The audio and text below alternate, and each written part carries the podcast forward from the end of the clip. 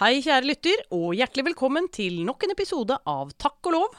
En ukentlig podkast for deg som vil skjønne litt mer av hvordan jussen, eh, eller kanskje også juristene, egentlig henger sammen. Dagens tema er et av flere temaer som dere lyttere har spilt inn til oss, og godt er det. For det er nyttig ikke bare for jurister, men også langt utenfor jussen.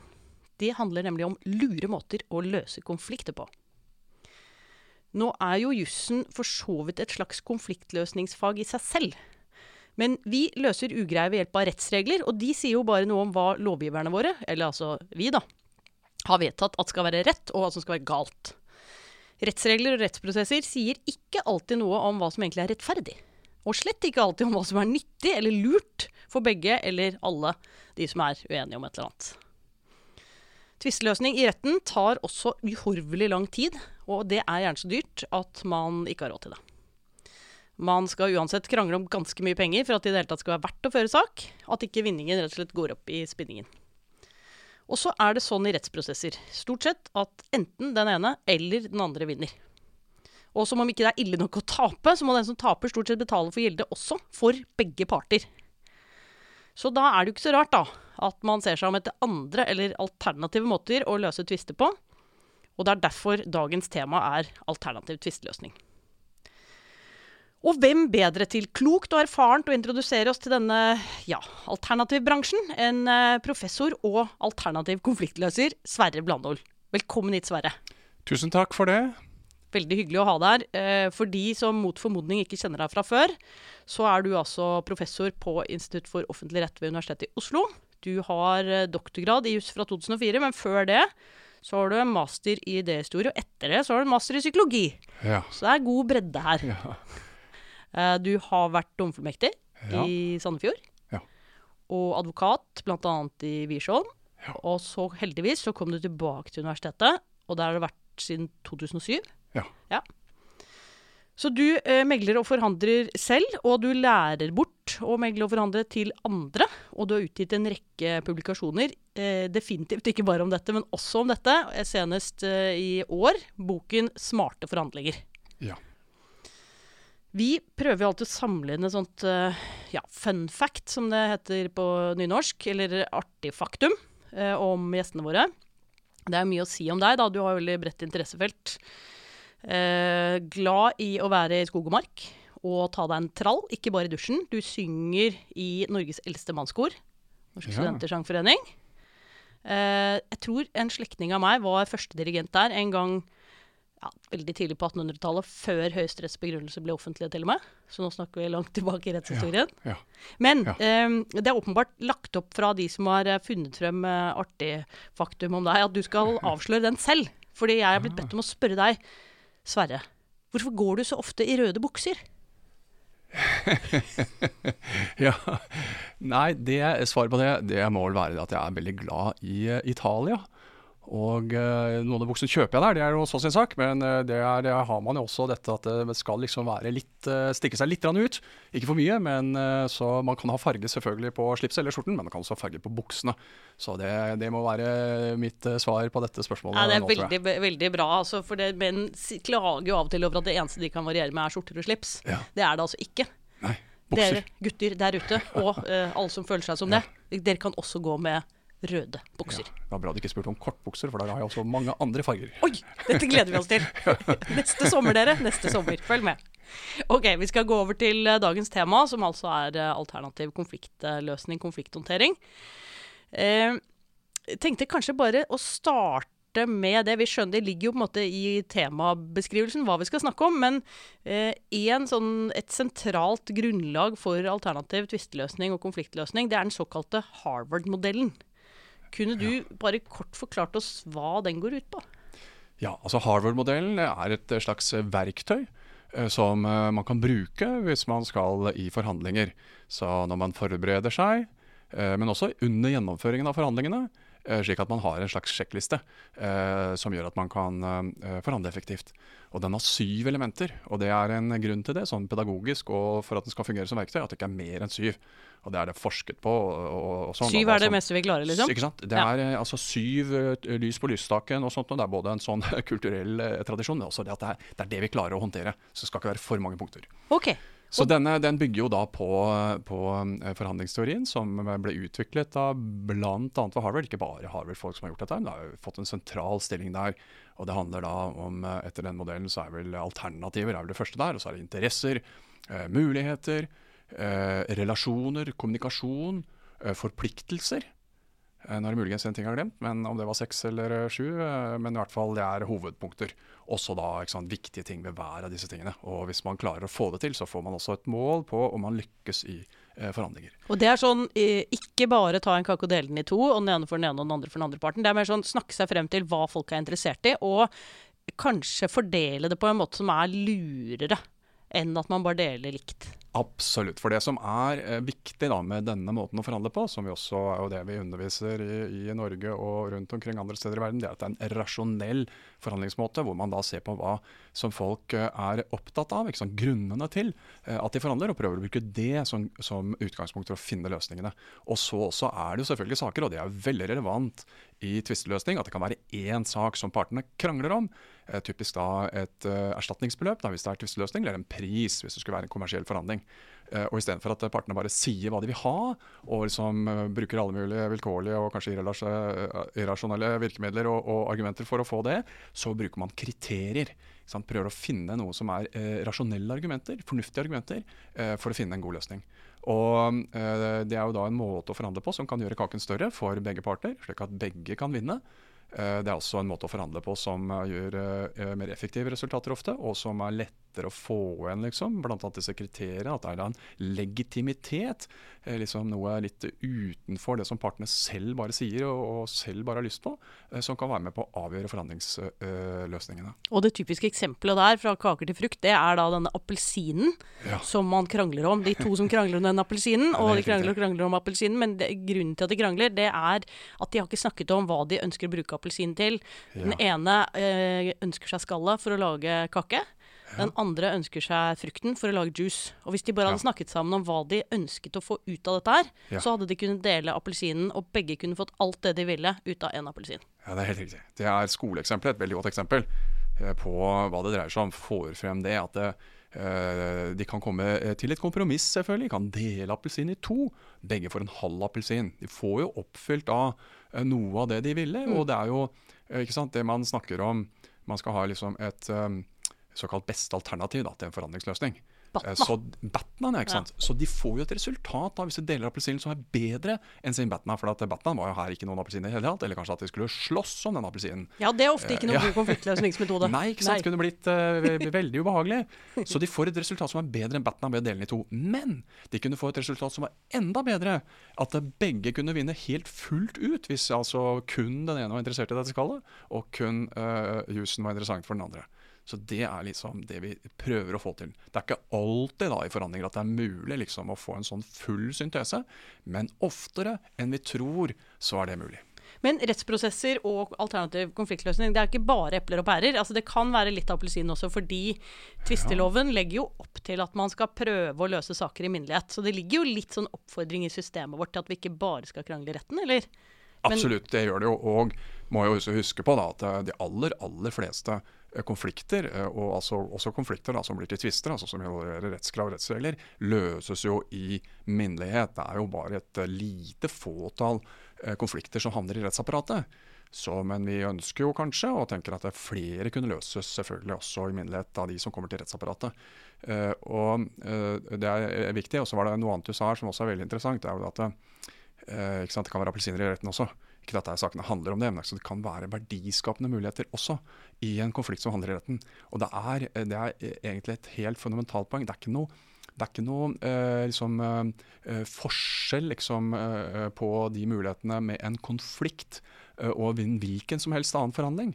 For hvis det er flere saker partene har å forhandle om, så er det jo ofte slik at de prioriterer disse sakene litt forskjellig. Eh, Og da kan man komme til verdifulle løsninger for partene. Uh, sluttpakke i arbeidsforhold er jo ett eksempel på det. Ja, det er en, et annet eksempel er jo bygget inn i loven selv. At det, Hvis det er en mangelssak, da, så kan jo selvfølgelig uh, den som har kjøpt dette, få et prisavslag. Uh, Det er jo en, en mulig beføyelse, og det kan være løsning i retten. Altså- Men selgeren kan jo forsvare seg mot dette og kreve da å få rette det eh, etter nærmest vente vilkår. Og det kan jo være verdiskapende for partene, for det er billigere for selger å rette det for egen kostnad enn å måtte betale Og, og prisavslaget. bedre for for klima og samfunnet og alle. Og kanskje også. sant? Så, så der har man det også inn, liksom laget inn i loven. da. Så man kan, det kan være positivt å være rettehaversk på den måten. i Re, re, rettehaversk kan være bra i den eh, sammenheng. Men, eh, så det er bra. Så det ligger jo i noen grad i systemet at man eh, tenker at dette er gode løsninger, både i reglene egentlig og i prosessen. Men, Ja. men eh, er, vi, er vi flinke nok til å bruke det? Det som det slo meg, i hvert fall, var at for å bli advokat, så må du jo, og det gir jo full mening, det, eh, så må du prøve tre saker for retten.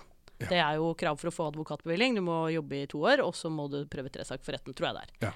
Eh, hadde, er ikke det litt galt insentiv? At alt skal til retten? Kunne man ikke fått noe uttelling kanskje for å løse konflikter på andre måter?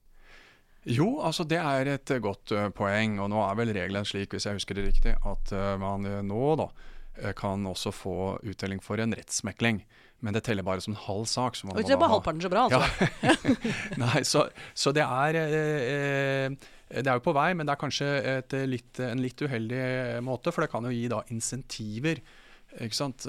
Hvis man trenger denne bevilgningen, eh, så er jo da eh, veien dobbelt så lang da, hvis man mekler, eh, eller går i rettsmekling og løser sakene sine på den måten, som det er hvis man går med sakene i retten. Mens eh, også det liksom Advokatfullmektigen da, har da insentiver eh, med tanke på bevilgningen til å ta sakene i retten. Partene eh, har jo interesser av å få løst sakene sine. Kan jo være at parten også sant, er best tjent med å få prøvd i retten. Hender jo det. Ja. Men eh, det er, ikke, det er liksom ikke eh, altså Partens perspektiv er jo å få en løsning på konflikten, så penger kommer inn i kassa hvis det handler om penger, og at penger ikke renner ut av kassa. Med å løse tvisten. Så Så de, der, er jo, der er jo rett og slett, kan det være en, en interessekonflikt.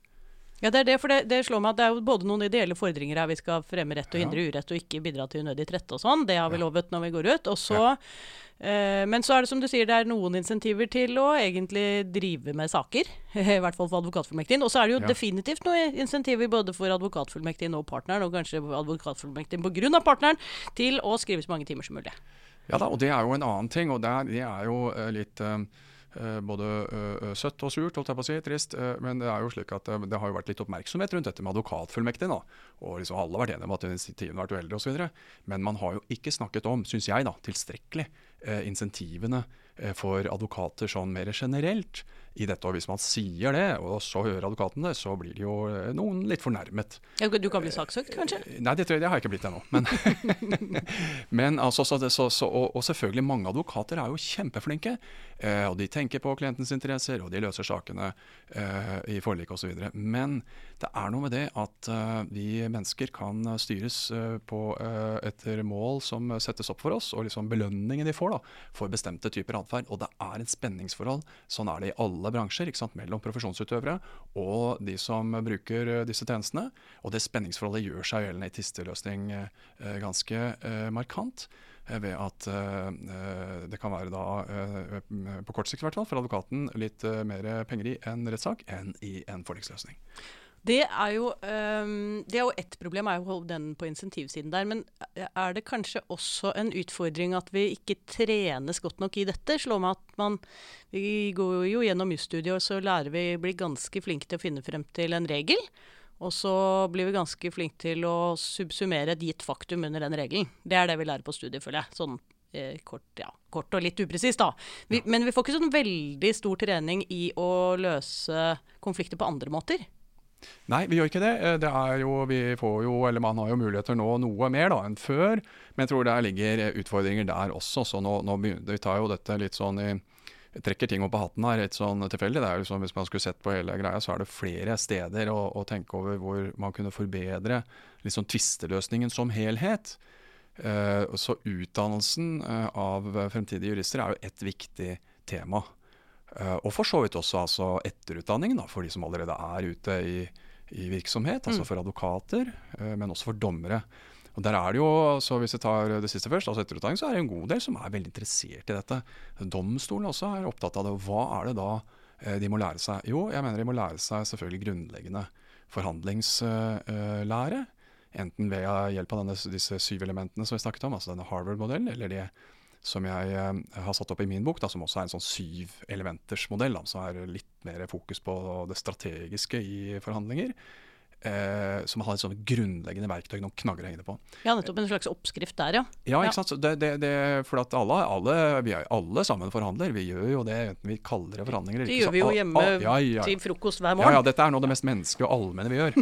Men, men de færreste har liksom kanskje et godt begrepsapparat da, for å sette navn på det som skjer, og sånn sett forstå det bedre, og kanskje forbedres også. Ja, det, og der er, man- skal man jo være litt forsiktig med å importere sånne det, Jeg tror dette er veldig klokt det du sier. Altså, jeg tror absolutt man får veldig nytte av det. Jeg må bare være forsiktig med å bruke de begrepene, for jeg i hvert fall får det når jeg er hjemme og Hvis jeg prøver å bruke sånn klokstrategier, i motsetning til de jeg ellers bruker, når alt bare Ja. blir krasj og krangel etterpå, Ja. så sier sønnen vår Du, legg av deg den der psykologstemmen, sier ja, han da. Og jeg er jo ikke psykolog, men da har jeg åpenbart prøvd for mye, da. Å være noe annet enn det jeg ellers var. Ja da. Eh, ja da. Så nei, det hjelper ikke å si at du har en dårlig batne. Sånn. Nei, det var det. Men, men eh, OK, så Men, vi har ja. litt forbedringspotensial her, og, og både på dette og på opplæringssiden. Det, det, det skjer noe i domstolen. Vi hadde en dommer innom i, i vår eh, fra Oslo tingrett som jobber mye med dette. Og, Så jeg skjønner at det der er jo Det er en bevegelse på gang. Eh, Men det er helt sikkert noe å gjøre. Men er det andre deler av eh, ikke bare rettsapparatet, men konfliktløsningsmekanismen i samfunnet vårt hvor vi bruker dette mer? Ja, altså det store bildet altså Jeg sa jo dette at de fleste konflikter løses utenfor domstolene. Og et, en viktig eh, del av det bildet er jo alle nemndene og alle eh, altså utenrettslige eh, tvisteløsningsorganer som vi har. For vi har masse nemnder. Ja, massevis, vet du. Det, det tenker vi ikke over, kanskje. Men Nei, vi tenker ikke så mye over det. Jeg vet ikke Det er fordi at eh, liksom, jurister er så opptatt av på en måte Uh, Selvfølgelig sånn metodisk sett av rettspraksis og sånn, sånn litt giret inn mot det. Men det er klart det er kjempeviktig. Uh, for det er jo da gir parter mulighet til å få uh, bidrag til å løse sine saker. Det er ikke alle disse nemndene som, som hvor det er bindende løsninger. Mange er det ikke det, men ikke? Det, det kan vel likevel være en hjelp.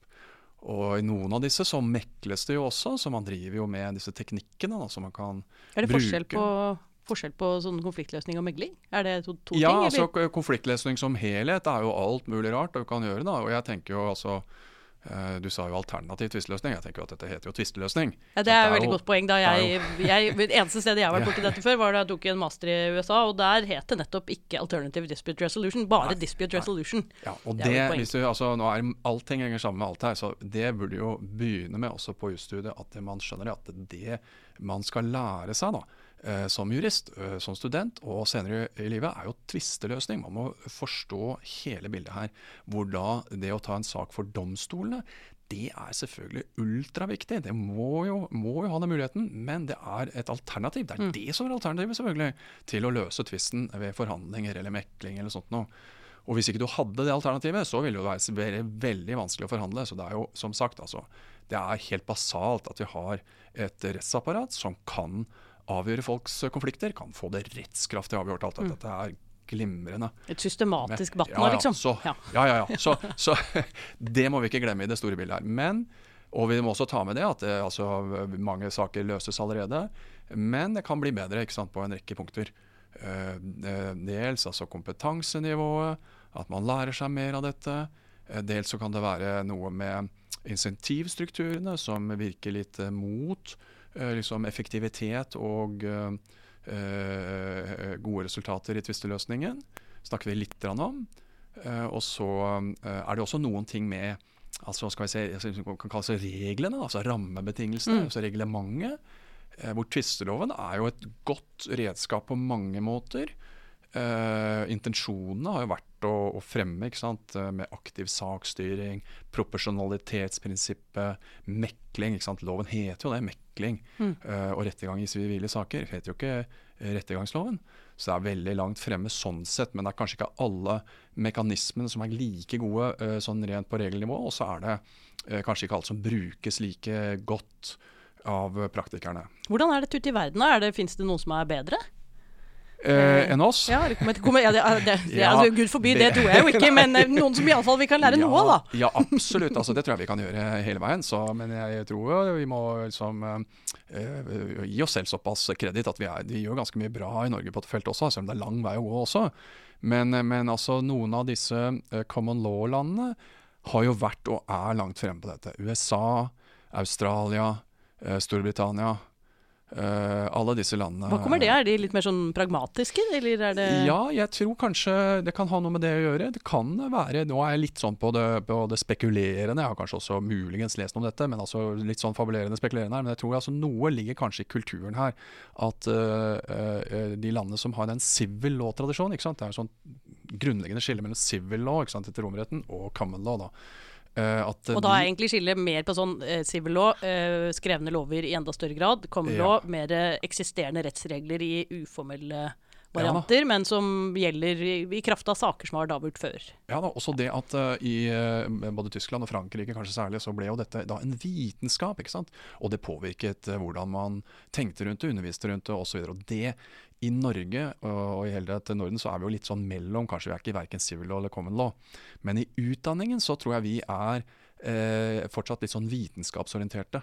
Og at vitenskap det må være kunnskap, og det må liksom være eh, på en måte, Det må stå i bøker og foreleses og sånt. Ja, ikke noe sånn obskurantisme. Fysj. Nei, mens eh, amerikanerne eh, eh, og, og- disse andre her kanskje har et, eh, et syn på det, at eh, ferdigheter er også fag. Eh, Det står fag bak Ja, disse ferdighetene. ikke sant? learning by Eh, doing og sånn, Ja, ja. learning by doing. Ikke bare at eh, liksom forhandlinger er et fag med teori og sånt, nå, og psykologi og alt det der, men måten man lærer det på også. Så det var kanskje mye om et kort spørsmål, men jeg tror det ligger noe der, altså. Ja, ja. Veldig interessant. Men vi er på vei, da. Vi prøver jo å gjøre noe i Norge også. Men det er det å vri liksom, jusstudiet over i en mer erfaringsbasert retning, det er jo en stor operasjon. For det handler om mentaliteten ikke sant, hos veldig mange aktører. Dette skal vi fortsette å jobbe med der hvor vi ellers sitter, vi, Ja, vi Sverre. Ja. Eh, men eh, men eh, vi kan jo prøve å bidra til litt forbedring allerede nå. Hvordan, ja. Hvis du skulle En sånn topp tre gode tips og triks eh, sånn avslutningsvis for å bli mer eh, fokusert på konfliktløsning på andre måter enn bare ved å grave frem regler og slå hverandre i hodet med det. Ja, altså Hvis vi holder oss til det med ikke sant, det er tvist da, til den, den konteksten, så jeg tenker jo det eh, helt primære det er jo å eh, prøve å forstå partenes eh, behov og interesser. Eh, ikke bare liksom eh, din egen part, men også den andre parten. For at deres problem, på en måte, hvis de er noe de er begrenset av, eller noe de er opptatt av, det er jo så ditt problem hvis du skal ha en, en løsning. Så hele denne, det er jo det som ligger i denne forhandlingsmodellen osv. Interessebasert og sånt. Og det er, Så bort fra denne krenkelsesmodellen hvor man bare fokuserer Ja. på sine egne følelser, og Ja. over på sånn hva mener de egentlig, de der borte? Ja, Ja. Og, og kanskje også da et eh, hva skal jeg si, sånn ja, kommersielt, holdt jeg på selv, sånn praktisk fokus. Det andre jeg vil si, som er kjempeviktig, og som vi holdt på å snakke om i stad, eh, men som vi ikke kom helt inn på, det er jo dette. ikke sant? Vel, altså man må lære mer. eh, og, og advokater og sånn. Hva er det de skal lære? Jo, én ting som jeg mener er helt uh, avgjørende, det er at man lærer seg uh, å behandle prosessrisiko på en eh, systematisk måte. For det er jo alternativet da, til å bli enig. Ja. Og da holder det ikke å si at det her er det risiko. ikke sant? Det er, det Det er alltid det. det er, ikke sant? Alltid er risiko. Men det må man eh, gjøre for å kunne Hvis det er penger, da, ofte er jo det ikke sant? i retten det står. Sett at det er penger, la oss bare holde oss til det foreløpig. Man må beregne en forventet verdi av rettssaken for å kunne skjønne hva som er et uh, fornuftig forlikstilbud, og hvor man skal, hva man skal sikte inn mot. Altså Kost-nytte-betraktning, rett og slett. Ja da. Ja. Og uh, da uh, at man skjønner litt om usikkerhet, sannsynlighet, sannsynlighetsberegning. Dette er ikke veldig vanskelig matematikk osv., men litt modeller for det. Og det er jo noe som ikke handler om juss og juridisk metode. Det er en helt annen metode, men som vi trenger.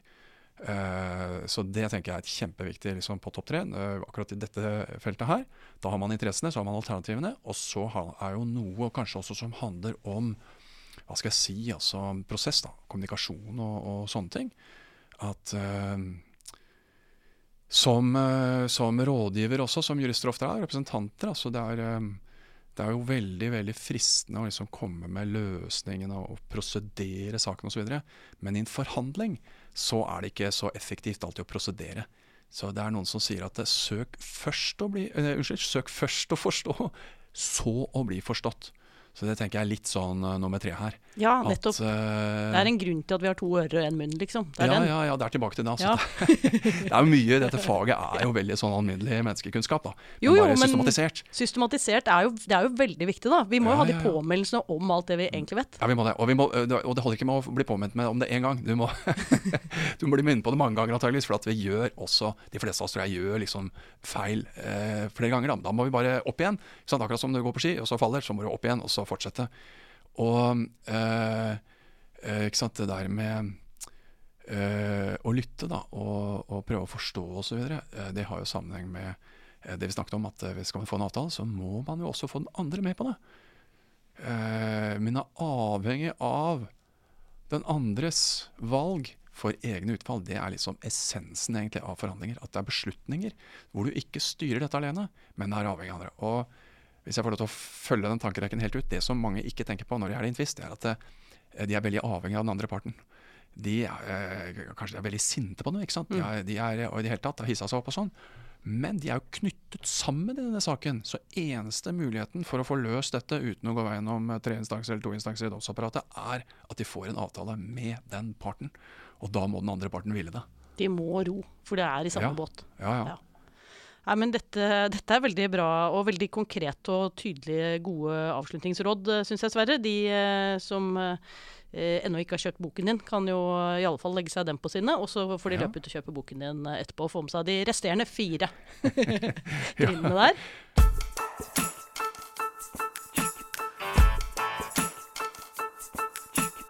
Hei til deg, kjære Takk og lov-lytter. Eh, jeg sitter her sammen med Torbjørn. Mm, og jeg sitter her sammen med Sturla. Stemmer det. Og det begynner vel folk å ha fått med seg, tror jeg? Ja, jeg tror det. Ja. Og det betyr altså Juridika og Universitetsforlaget og Juristenes Utdanningssenter trenger vi kanskje ikke si så mye mer om akkurat nå? Nei, jeg håper de forstår at det er vi som står bak dette. Mm. Skal vi si noe mer om alternativ tvisteløsning dagens episode?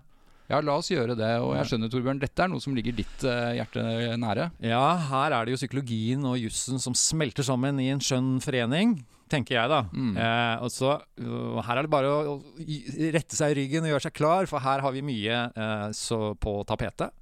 Eh, to e-kurs jeg har lyst til å nevne. Ett med dagens gjest, Sverre Blandehol, som heter 'Forhandler slik gjør du'. Og en, et som heter 'Advokatens rolle i mekling' med Anne Sofie Tømmerås. Det er to supre eh, introkurs i forhandlinger. Og så har vi Meklingsakademiet. Mm. Ja, og til de lytterne som har veldig lyst til å se hvilket ansikt som lurer seg bak denne stemmen, ja. ja. så kan de melde seg på. For der vil jeg være med, sammen med en rekke eh, fremragende folk eh, fra akademia og praksis innenfor meklingsområdet. Sverre er der selvfølgelig. Mm. Mange andre. Mm. Fem dager. Uh, består du eksamen mm. etter masse jobbing og masse ja, rollespill og workshops, så blir du sertifisert mekler gjennom Advokatforeningen. Så det du sier nå er jo at hvis noen har blitt fan av å høre deg i ca. to minutter av de 40 minuttene vi har eh, podkast, mm. eh, så er egentlig svaret at de må komme på kurset og se deg i aksjon. Det er helt sant. Og jeg ja. ville ikke bli overrasket om, om, den listen er ganske lang av folk som nå går inn på juss.no og sjekker ut dette. Men eh, hva med dere, da? Jeg regner med at dere trekker linjer fra tidligere og opp til eh, dagen? Vi har mye spennende om eh, temaet i universitetsforlaget eh, blant våre bøker, vi òg. Eh, og på Juridika, selvfølgelig. vi har en bok som heter 'Å være advokat', som er skrevet av Sigurd Knutson. den har et eget kapittel om forliksforhandlinger, mekling og noen andre alternativer rundt tvisteløsning. selvfølgelig superaktuelt hvis du jobber med dette. Mm. så har jo Sverre også skrevet bok for oss. Det er jo ikke en uh, ren jussbok, går ikke så inn på jussen, men den heter rett og slett 'Smarte forhandlinger', og den kan jo anbefales uh, mm. for å få på en måte teorien bak. Absolutt. Men ikke minst så kommer han jo med en ny bok som heter 'Kontraktsforhandlinger og forliksforhandlinger' om ikke lenge. og den ligger jo kanskje juristene litt nærmere og deres arbeidshverdag. Mm. og så må jeg jo trekke frem Uh, vi har en bok som heter 'Konflikt, mekling og rettsmekling' mm. av Kristen Kielland Mørdre, Anne Lise Rolland, Karen Sofie Steen, Per Gammelgård og Karsten Anker. Mm. Uh, så her er det rett og slett et skikkelig team som, mm. uh, som forklarer rettsområdet. og det, den boken er jo faktisk pensum på et av kursene hos dere, Torbjørn, stemmer ikke det? Jo, altså advokatkurset som vi har. der mekles det over nett, nett i disse dager. Så her er det folk som griper anledningen til å bare bre ut kompetansen til, eller gjøre den dypere. Og det er jo det geniale her, Sørla. Det er at ved å bruke våre kurs og deres litteratur, mm. så blir du bedre. Man gjør det, og jeg syns jo vi på mange måter utfyller eh, hverandre godt. Eh, vi har jo en base med over 20 000 tidsskriftartikler. Over 250 fagbøker. Eh, du kan på en måte gå ordentlig dypt ned i materien hvis du ønsker det, men du kan Mm. også få den lette oversikten. Og så tar jo det det på en måte over i det praktiske gjennom kursene deres. Er ikke, er det en måte å si det på? Jo, kanskje vi burde flytte sammen i kollektiv, du og jeg? Kanskje det, eh, men vi har jo laget dette hjertebarnet her, da, denne podkasten, så Ja. det er jo en god start eh, i det minste. Og dette er jo kanskje første steg til et samboerskap, Sturla? Eller hva? Ja, det er jo en spennende tanke, og, og det får vi kanskje svar på Uh, hvis det blir en sesong tre. Mm. Uh, men om det blir en sesong tre, det er det jo du som lytter som må fortelle oss. Så gå inn på chatten, juridika.no, og gi oss rett og slett en tilbakemelding. Det er helt sant som Sturla sier. Hvis vi skal høres igjen, så må du gi oss en respons på juspost at juss.no. Klart alle, det er helt opp til deg som lytter. Ha en riktig god høst.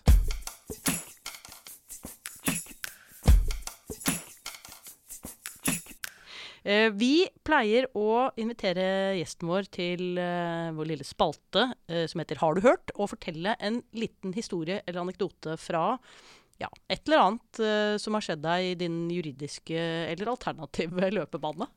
Er det noe du vil at vi skal ha hørt?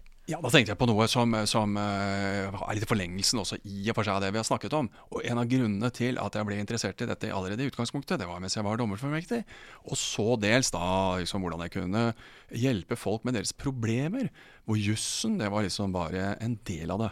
Men jeg husker veldig godt en episode som jeg syns er et godt eksempel på uh, nettopp eh, det. At uh, noen ganger da så kan uh, kanskje andres atferd være slik at du kunne hatt lyst til å, liksom fortelle dem at ikke det var helt greit, men at det kan være verdifullt å dels lytte og dels liksom ha litt ja, anerkjenne på en måte noe, og så kommer du over det.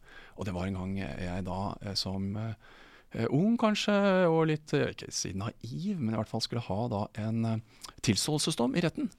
Eh, og så var eh, han som skulle inn, eh, han møtte ikke opp. Eh, og så tenkte jeg at det var greit for alle parter ikke sant, å få dette avgjort. Så jeg ringte da til politiet og så spurte om ikke de kunne ta en liten runde med de fant han. Det fant de jo, for det var en av de som man kunne Av og til kom innom. Ja. Og så kom jo han, da. eh, og det var eh, tenkte jeg da, Og noen kunne tenke at det var kanskje ikke så lurt likevel, for han var veldig, veldig forarget over å bli henta av politiet. Det ordet Så han var så forbannet, og det sa han også, at eh, nå er jeg så sinna at jeg har lyst til å ta den vitneboksen og kaste den i veggen her. Og der satt jo jeg da med en sånn eh, retts, eh, et sånn rettsvitne, som var en, eh, en eh, ung eh, kvinnelig vikar, og eh, eh, lurte litt på hva skjer nå. Men jeg hørte på han, og, øh, og sa at det er jo helt frivillig selvfølgelig å få avgjort denne saken på denne måten. Så uh, du kan gå når du vil, men uh, og sånn. Og så hørte jeg hva han sa, og så videre. Og så roet det seg gradvis litt. Og så fikk vi da gått igjennom denne øh, tiltale, eller disse punktene, og fikk protokollert dette, og han tilsto alt sammen og sånn. Og så til slutt så sa han For jeg spurte «Øh, er det noe mer du vil tilføye. Det skal man jo spørre om, ikke sant. Ja, øh, nå syns jeg vi skal gå hjem til meg og ta en god kopp kaffe. Oi!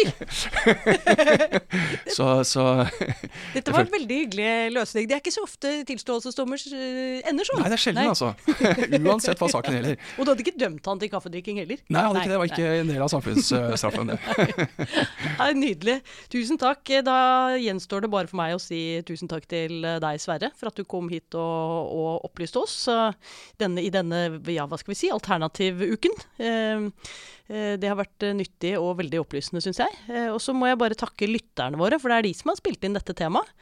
Og jeg må rett og slett takke dere for å ha hørt på oss gjennom hele denne sesongen, kjære lyttere. Eh, hvis dere fortsetter å spille inn gode temaer og mase kraftig på Juristenes Utdanningssenter og Universitetsforlaget, så kan vi jo krysse fingrene for at det kanskje blir en sesong til. Takk for nå, og på gjenhør, forhåpentligvis, i neste sesong.